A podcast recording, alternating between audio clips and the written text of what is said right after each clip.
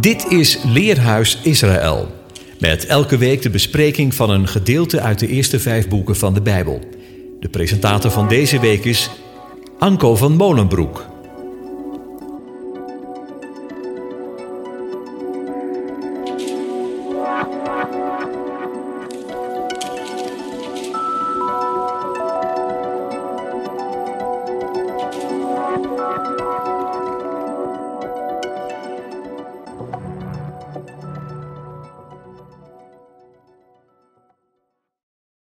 Beste luisteraars, opnieuw ontmoeten we elkaar in dit leerhuis op Radio Israël. Of wellicht is het voor u de eerste keer dat u erbij bent. In elk geval van harte welkom. We hebben het profetische woord dat vast en zeker is. We doen er goed aan daarop acht te geven, als op een lamp die in een duistere plaats schijnt, totdat de dag aanbreekt en de morgenster opgaat in uw harten. Deze vermaning spreekt de apostel Petrus in zijn tweede brief. In deze brief spreekt hij over de laatste dagen en de opkomst van valse profeten. Die krijgen ook bij ons een ingang als we ons niet aan dat profetische woord vastklampen. Over deze valse profeten zegt hij: ze beloven vrijheid, terwijl zij zelf slaven van de verdorvenheid zijn. Want door wie iemand overwonnen is, van hem is hij ook een slaaf geworden. Wij zouden zeggen: wiens brood men eet, diens woord men spreekt. Dat is letterlijk zo, en dat is ook geestelijk zo. Yeshua zegt: Ik ben het brood des levens. Hebt u het, hebt u hem al gegeten? Dan bent u één geworden met hem. En ik weet echt wel dat dit ook strijd met zich meebrengt, van binnen en van buiten. In deze laatste dagen kunnen we zomaar verzuchten: Kom, Heere Jezus, kom haastig. Als we zien hoe de samenleving op slot gaat, afgebroken wordt, als we zien hoe mensen bang worden voor elkaar, hoe de liefde van velen dreigt te verkillen. Petrus zegt dat we de besmettingen van de wereld moeten ontvluchten. Nu, natuurlijk had hij het niet over een besmetting met een virus, maar ook angst is besmettelijk. Petrus voegt er echter ook iets aan toe: ontvluchten door de kennis van de Heere en zaligmaker Jezus Christus. En daarom in dit leerhuis wil ik graag zijn profetische woord weer laten klinken. Want het getuigenis van Jezus is namelijk de geest van de profetie. Zijn eerste komst, de eerste komst van Jezus, was een keerpunt in de helsgeschiedenis. En we naderen opnieuw een keerpunt. Nog enkele profetieën moeten worden vervuld. Het samenkomen van Juda en Jozef en de komst van deze ene herder. De bekendmaking van de Messias ben Jozef, die ook de Messias ben David zal blijken te zijn. Om meer te weten over deze laatste dagen gaan we naar het begin van de schrift. De parasha van deze week heet Miketz. En dat betekent aan het einde van. Want zo lezen we in Genesis 41, en het gebeurde na verloop van of aan het einde van twee volle jaren. Deze aanduiding aan het einde van wijst ons altijd op een keerpunt in de tijd. Aan het einde van enkele dagen bracht Kain van de vrucht van het land. God zei tegen Noach: Het einde van alle vlees is voor mijn aangezicht gekomen. En aan het einde van veertig dagen opende Noach het venster van de ark. Aan het einde van tien jaar wonen in Canaan gaf Sarah Hagar aan Abraham tot vrouw. En dan krijgen we onze tekst in Genesis 41 aan het einde van twee volle jaren. En als laatste noem ik Exodus 12, vers 41, aan het einde van de 430 jaren. U ziet, steeds is het een keerpunt, zowel ten kwade als ten goede. Ket komt van katsats, afsnijden. En alleen al in Daniel 8 tot 12 komt het woord kets 15 keer voor als hij het heeft over de tijd van het einde. En als er ergens een einde aan komt, dan is er vaak ook sprake van een nieuw begin. In Parashah Ketz is dat het begin van de regeerperiode van Jozef als onderkoning van Egypte. Maar ook de Haftara-lezing gaat over een nieuw begin, 1 Koningen 3 spreekt ons over het begin van de regering van de zoon van David, koning Salomo. Het begin van het rijk van vrede en voorspoed. Nu, deze Torah-lezing en de Haftara-lezing zijn niet voor niets aan elkaar gekoppeld. De regering van Jozef aan de regering van Salomo. En zo zijn er meer thematische lijnen te trekken. En we gaan proberen om die thema's te ontdekken. Het thema van dit leerhuis is het keerpunt in de tijd. In het eerste gedeelte gaan we zien Jozef en zijn broers. In het tweede gedeelte letten we op Salomo en de twee moeders. En het derde is de Messias en zijn volk.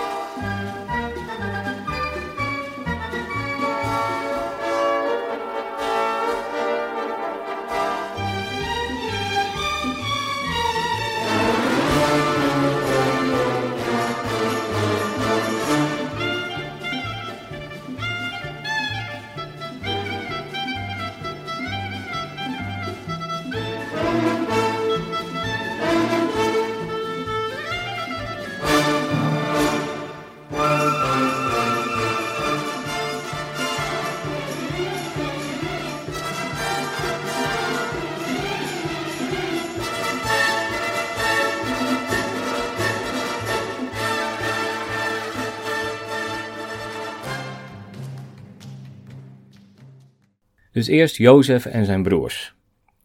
Parasha Miketz begint bij Genesis 41 en loopt door tot 44 vers 17.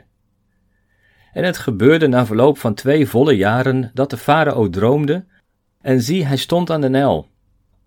En dan volgen de twee dromen van farao. Eerst komen er zeven koeien op, mooi van uiterlijk en vet van vlees. Na hen komen er zeven magere koeien, die verslinden de zeven mooie koeien.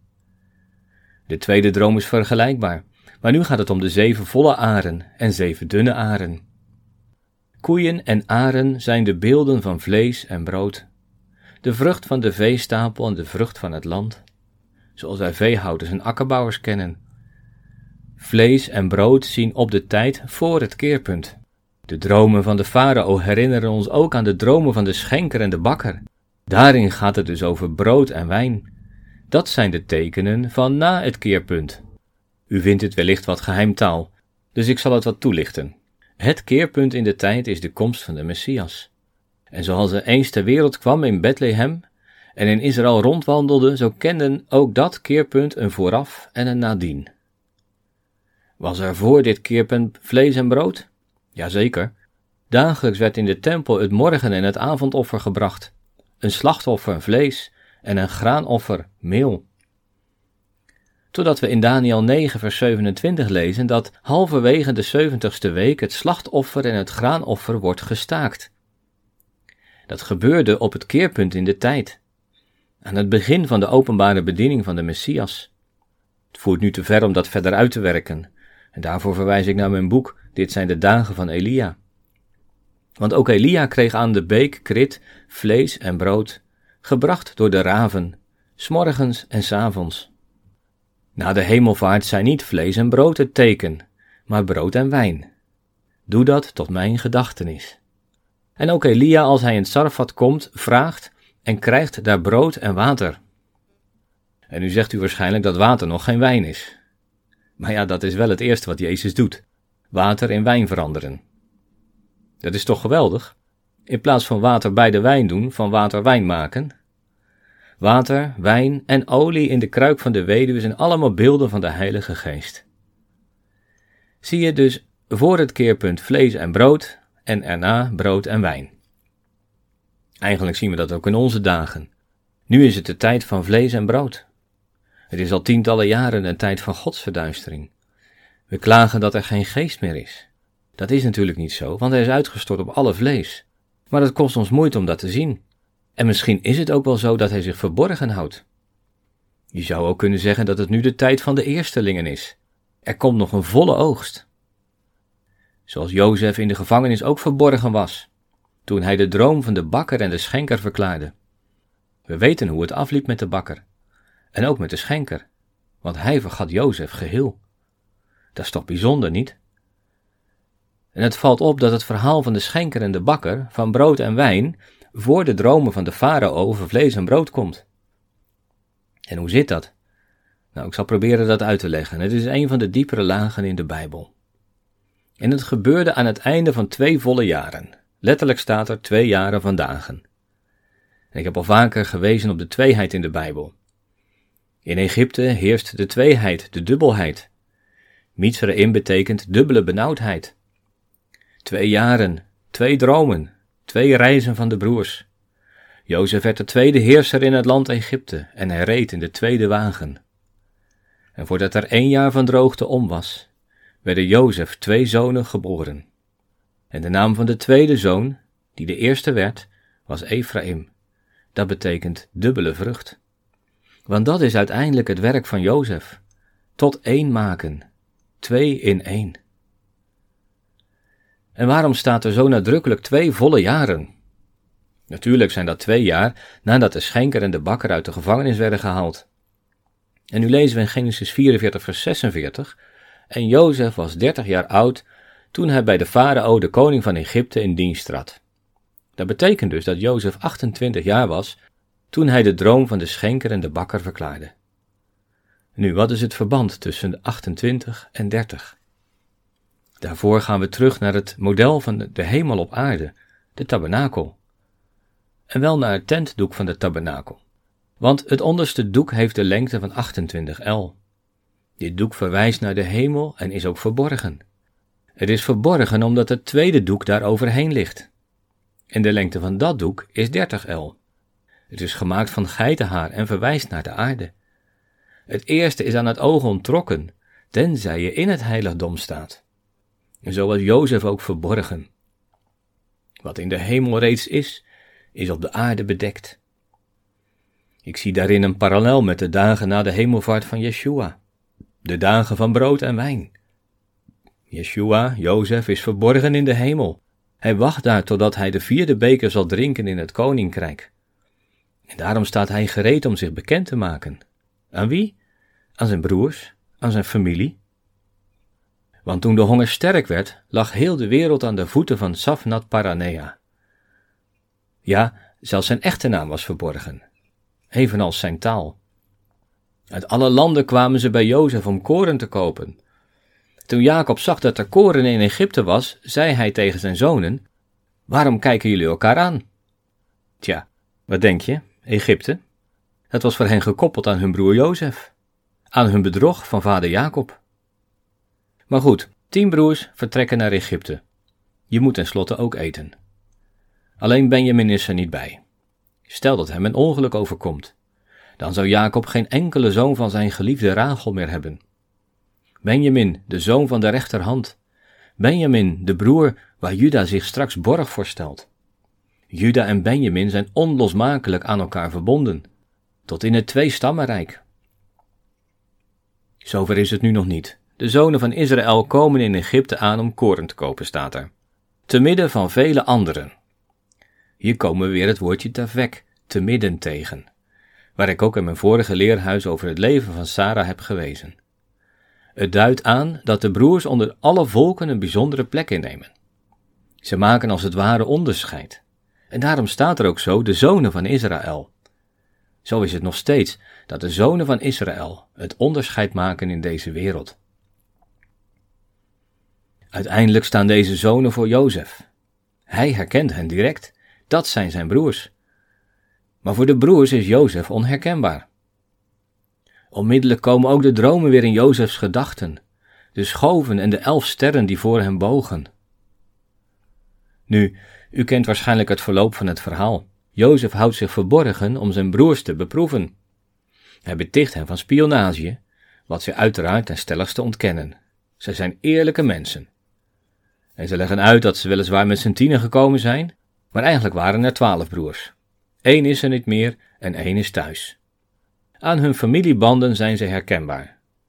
Je zou als spion wel een hele goede dekmantel moeten hebben als je zo met z'n tienen tegelijk opgepakt wordt. Jozef zet hen drie dagen gevangen. Op de derde dag zegt Jozef tegen hen: Doe dit en leef. Ik vrees God. Als u eerlijke mensen bent, laat dan één broer hier en haal jullie jongste broer op. Hij geeft hun een kans om te bewijzen dat ze eerlijke mannen zijn. De broers zeggen daarop tegen elkaar in het Hebreeuws: Zie je wel, deze benauwdheid overkomt ons omdat wij schuldig zijn aan de zielsbenauwdheid van onze andere broer. En dat was dertien jaar geleden. En ze weten niet dat Jozef hen kan horen. Simeon blijft achter en met een lading koren keren ze huiswaarts. Ze vertellen alles aan hun vader. Ze houden niets achter en maken het ook niet mooier. Tot hun schrik echter vinden ze hun geldbuidel weer terug als ze hun zak met koren openmaken. Het is al verschrikkelijk dat ze Simeon achter moeten laten. Maar nu moeten ze de onderkoning ook nog gaan zeggen dat ze zijn geld weer mee terug hebben genomen. Hoe kunnen ze ooit nog terug? Dit is toch wel het bewijs dat ze geen eerlijke mensen zijn. Geen wonder dat Jacob zegt: Jullie beroven mij van kinderen. Jozef is er niet meer, Simeon is achtergebleven en dan willen jullie Benjamin ook nog meenemen. Jacob laat zijn zoons niet gaan. Hij stelt het uit. Maar de honger is een zwaard. En nu neemt Juda de leiding. Juda zegt: Als wij niet geaarzeld hadden, dan waren we zeker al twee keer terug geweest. Let weer op die twee. En eindelijk, als er twee jaar van droogte voorbij zijn, kunnen ze niet anders dan eten gaan halen in Egypte. Ik vind dat eerlijk gezegd ook wel herkenbaar. Hoe vaak stellen wij iets uit omdat we bang zijn voor de gevolgen, of voor ons hachje, of omdat we niet durven? Juda snapt heel goed waar de crux bij Jacob zit. Dat is Benjamin. Maar Juda kan zonder Benjamin niet gaan. Thuis blijven betekent de hongerdood. En zonder Benjamin betekent ook de dood in Egypte. Er is maar één weg. Juda stelt zich borg voor zijn broer. Luisteraar, ik moet het verhaal wat inkorten. We weten allemaal hoe het verder gaat. En ik dacht ook, hoe zal het Jozef zijn, zijn vergaan in die, uh, die tijd? Zal er een dag zijn geweest waarop hij niet aan hen heeft gedacht? Een dag waarop hij hen niet terug had verwacht? En nu staan ze opnieuw voor Jozef. Ja, ze zitten zelfs gerangschikt naar leeftijd bij Jozef in de eetzaal om met hem te eten. En toch beproeft Jozef hen nog verder door zijn zilveren beker in de zak van Benjamin te stoppen. En als ze dat ontdekken, wordt alle grond onder hun voeten weggeslagen. En zo staan ze voor de derde keer voor de onderkoning, om zijn oordeel te horen. Net als die twee moeders voor koning Salomo, want ook deze koning zal een oordeel vellen.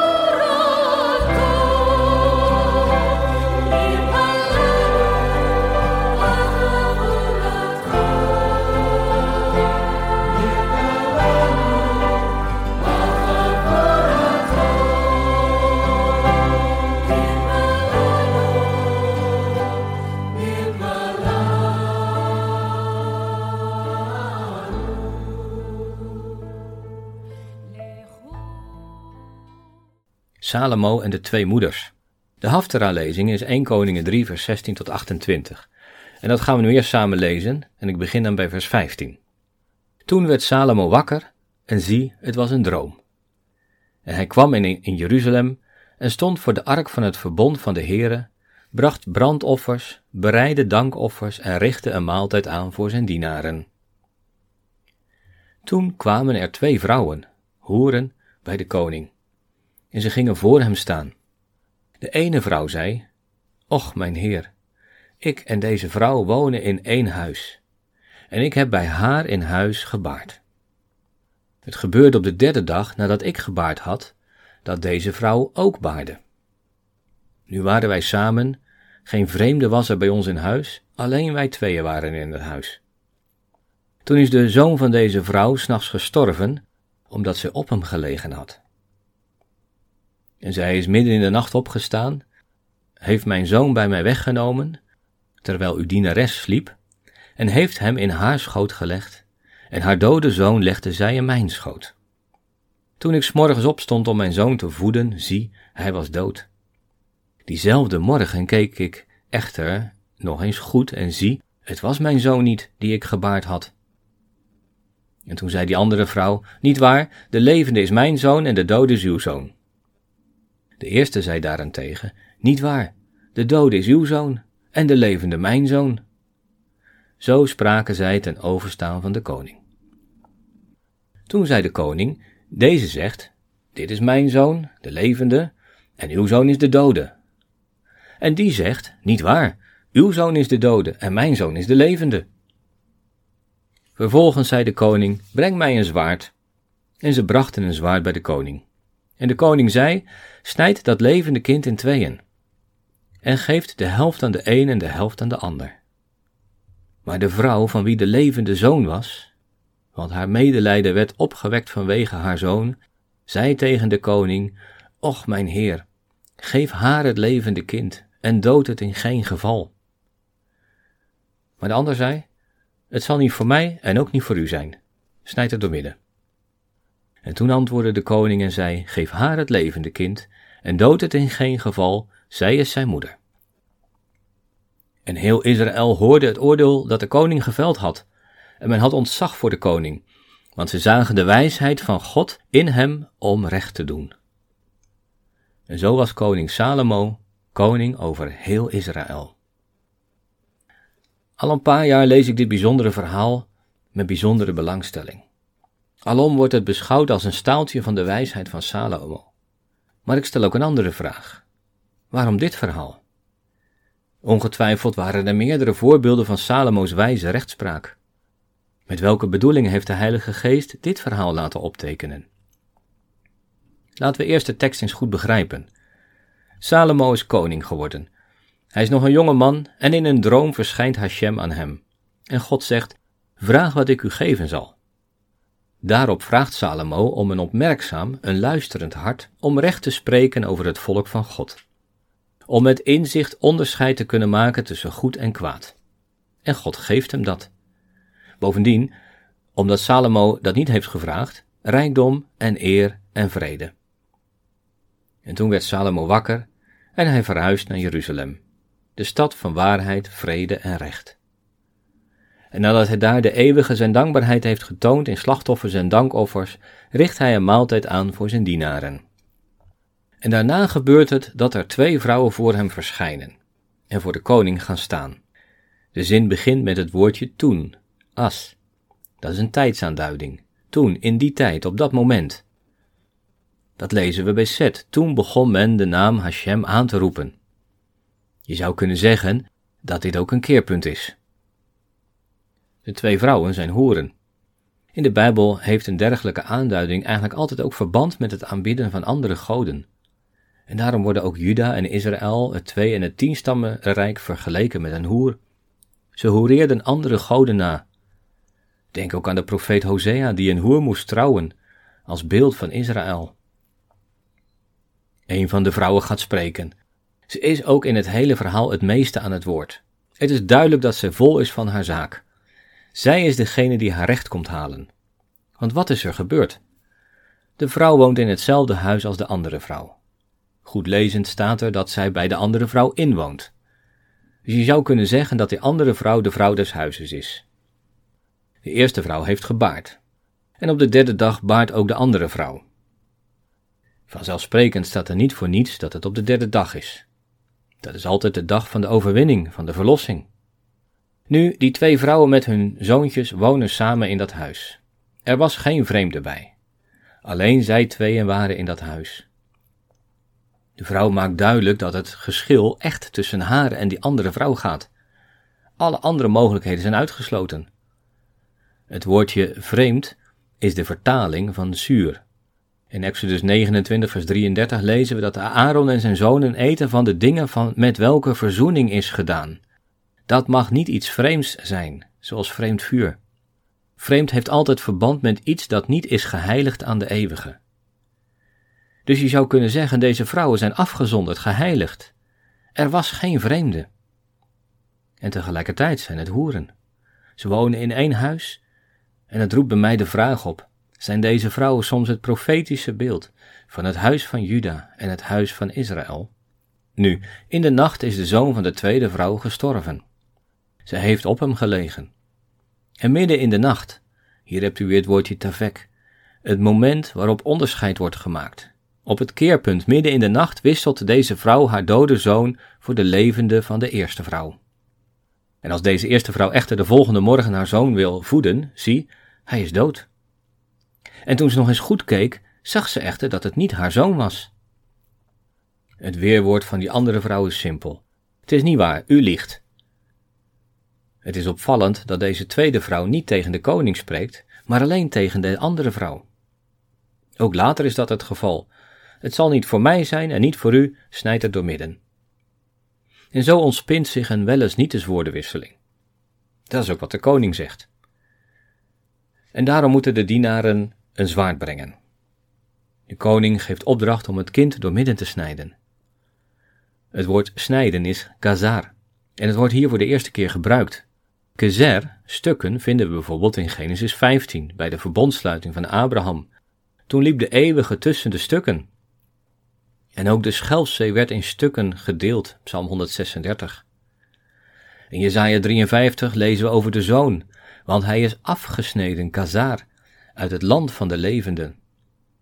En om niet meer te noemen, Ezekiel 37. Mensenkind, deze beenderen zijn het ganse huis van Israël. Ziet, zij zeggen, onze beenderen zijn verdord en onze verwachting is verloren. Wij zijn afgesneden. Zie, zo krijgen we een indruk van de betekenis van dit woord snijden in ons verhaal. En net zoals Jozef onderzoekt ook Salomo het hart, in dit geval het moederhart. Want onmiddellijk werd het medelijden van de moeder van het levende kind gewekt. In de oude taal haar ingewand ontstak met barmhartigheid. Weet u, het is precies dezelfde verwoording als van Jozef wordt gezegd als hij zijn broer Benjamin weer ziet. Jozef haastte zich, want zijn medelijden werd opgewekt vanwege zijn broer. Ook vader Jacob had tegen zijn zoons gezegd: De eeuwige geven u de barmhartigheid voor het aangezicht van die man, dat hij uw andere broer en Benjamin met u laat gaan. De moeder spreekt opnieuw tegen koning Salomo. Het is een hartekreet. Dood het kind niet, geef het dan maar aan haar. Maar die andere vrouw wil het kind helemaal niet hebben. Het zal niet voor mij zijn en ook niet voor u. En de koning gaf het levende kind daarop aan zijn moeder terug. Dat was een wijs oordeel.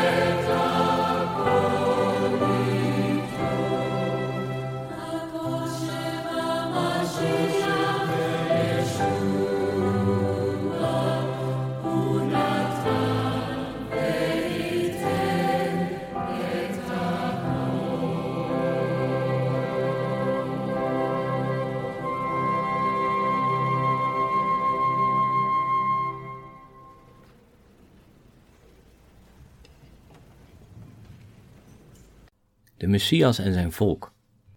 Er zijn verschillende parallellen tussen Jozef en Salomo. Beiden zijn tot heerschappij gekomen. Beiden hebben te maken met dromen en een beproeving. Beiden zijn wijs en hebben inzicht. De volken komen naar Jozef en ze komen naar Salomo. Beiden weten op een bijzondere en wijze manier te openbaren wat er in het hart leeft. Was het hart van de broers echt eerlijk? En wie van de twee vrouwen liet haar moederhart spreken?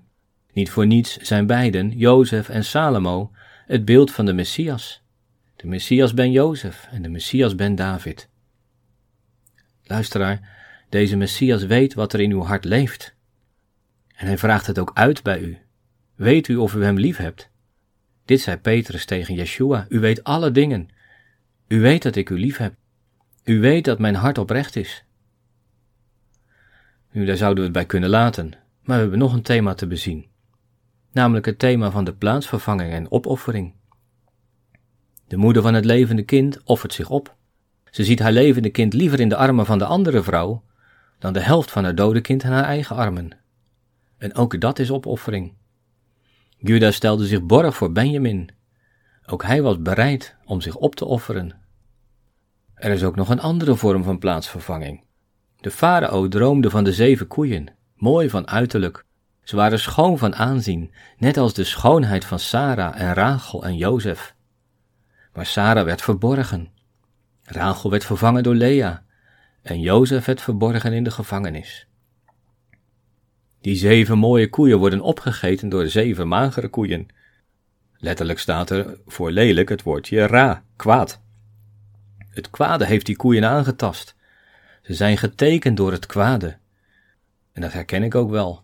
Nogal eens overheerst het kwade over het goede in deze wereld. Heerst de dood over het leven. Net als bij die twee vrouwen. Ook daar wordt de dode zoon in plaats van de levende gelegd. De dode zoon is in het Koningenboek een thema. Salomo nam de plaats in van het dode kind van David en Bathsheba. We lezen over het kind van Jerobiam dat sterft. Er staat dat er iets goeds in hem gevonden werd. Over de zoon van de weduwe van Tsarfat. Over de zoon van de Sunamitische vrouw. Over de twee zonen van die twee vrouwen in het belegerde Samaria. Het zijn de zonen van Israël. Ja, ook deze zonen wijzen ons op de zoon van Israël, de Messias. Geldt dat ook voor de zonen van die twee vrouwen die voor Salomo staan? Ik geloof van wel. Ook dit is een profetisch woord. De eerste vrouw is het type van het huis van Juda, de tweede van het huis van Ephraim. Er was bij hen geen vreemde in huis. De tweede vrouw is de huiseigenaar, zoals Ephraim ook het eerstgeboorterecht heeft. En ja, beide huizen zijn andere goden gaan vereren. Beide vrouwen kregen een zoon, de tweede drie dagen na de eerste. De eerste zoon, de levende, verwijst naar de beloofde zoon in de lijn van Abraham, Isaac en Jacob, zoals Juda bij Tamar de tweeling kreeg. De tweede zoon is de zoon van Jozef. Hij werd op de derde dag geboren, na twee dagen. En in de Bijbelse tijdrekening ligt het tussen de belofte aan Abraham en Yeshua zo'n 2000 jaar. Ik ga niet alle aanwijzingen uit het verhaal van die twee vrouwen typologisch duiden. Wel moeten we bedenken dat het huis van Ephraim, de tweede vrouw, is opgegaan onder de volken, dat uit hen ook de christelijke gemeente is voortgekomen. Bedenk dan nu eens wat er met deze dode zoon in de geschiedenis is gebeurd. Heeft de christelijke kerk haar dode zoon niet willen verwisselen met de levende? En kijk eens naar de onverschillige houding van die tweede vrouw. Herkenbaar? En dat terwijl de dode zoon nog altijd prijkt op de crucifix in bijvoorbeeld de Rooms-Katholieke Kerk. Ja, het verhaal van die twee vrouwen is een profetie van de vervangingstheologie. Eens zullen beide vrouwen voor de zoon van David staan, zoals de broers voor Jozef. Aan het einde van, op het keerpunt in de tijd. Miket leert ons, er komt een einde aan. En een nieuw begin. Zoals Jezaja het zegt in hoofdstuk 9. Het volk dat in duisternis wandelt, zal een groot licht zien. Zij die wonen in het land van de schaduw van de dood, over hen zal een licht schijnen. U hebt dit volk talrijk gemaakt. Hebt u niet de blijdschap groot gemaakt? Ze zullen blij zijn voor uw aangezicht, zoals men zich verblijdt in de oogst, zoals men zich verheugt wanneer men de buit uitdeelt. Want het juk van hun last, de stok op hun schouders, en de knuppel van de slavendrijver hebt u eens verbroken op Midians dag. Ja, elke laars, stampend met gedreun, iedere soldatenmantel gewenteld in bloed zal verbrand worden, voedsel voor het vuur. Want een kind is ons geboren, een zoon is ons gegeven. En de heerschappij rust op zijn schouder, men noemt zijn naam wonderlijk, raadsman, sterke God, eeuwige Vader, vredevorst. Aan de uitbreiding van deze heerschappij en aan de vrede zal geen einde komen. Op de troon van David en over zijn koninkrijk, om het te grondvesten en te ondersteunen door recht en gerechtigheid, van nu aan tot in eeuwigheid. De naijver van de Heere van de legermachten zal dit doen. Nog één keer laat ik Petrus aan het woord. Maar laat vooral dit u niet ontgaan, geliefden, dat één dag bij de Heere is als duizend jaar, en duizend jaar als één dag. De Heere vertraagt de belofte niet zoals velen denken, maar hij heeft geduld met ons en wil niet dat enige verloren gaan, maar dat allen tot bekering komen. Dat is het profetische woord, dat is vast en zeker. Wat is de wil van de eeuwige? Dat u zich bekeert, teshuva, en leeft.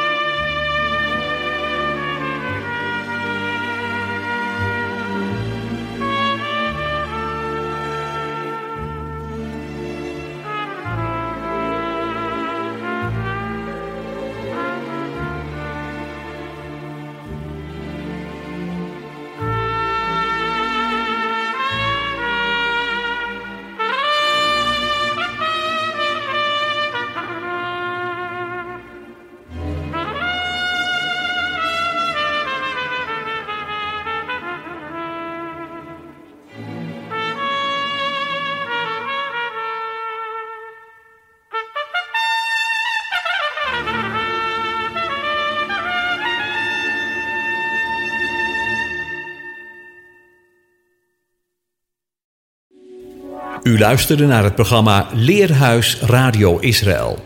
Een wekelijkse studie aan de hand van de Bijbelgedeelten die wekelijks door de Joodse gemeenschap worden gelezen. Heeft u een vraag of opmerking? Stuur dan een e-mail naar info radioisrael.nl. Het leesrooster vindt u op onze website. Ga naar radioisrael.nl en klik onder het kopje radio op programma's.